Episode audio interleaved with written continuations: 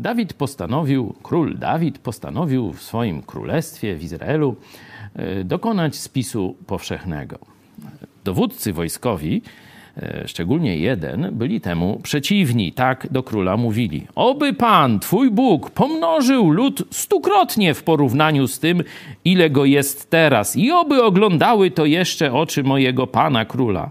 Ale dlaczego mój pan król chce tego? Wiedzieli, że spis powszechny to jest pójście w kierunku polegania na własnych siłach, a nie zaufaniu do Boga. Jednak król się uparł, spis przeprowadzono. Lecz potem Dawida ruszyło sumienie. To czytam z drugiej księgi Samuela, 24 rozdział, 10 werset. Że kazał przeprowadzić spis ludności. Modli się więc do Boga.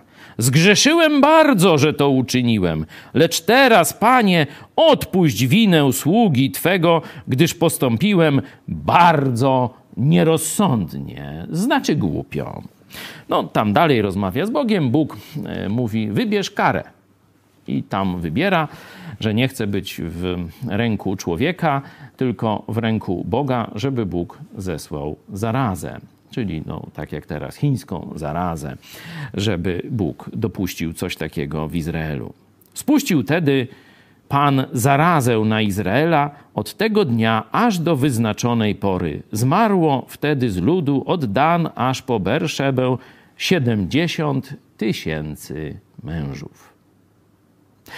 Oczywiście to, że dzisiaj spis powszechny się dzieje, to nie jest to samo, co w Izraelu, tam to było państwo teokratyczne i tak dalej.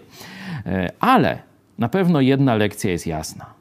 Za błędy, za głupotę, za grzechy, za bezbożność władzy państwowej zapłacimy my, zwykli Polacy. Tak było wtedy, tak będzie i teraz. Chyba, że, chyba, że postaramy się o rząd prawdziwego prawa i prawdziwej sprawiedliwości.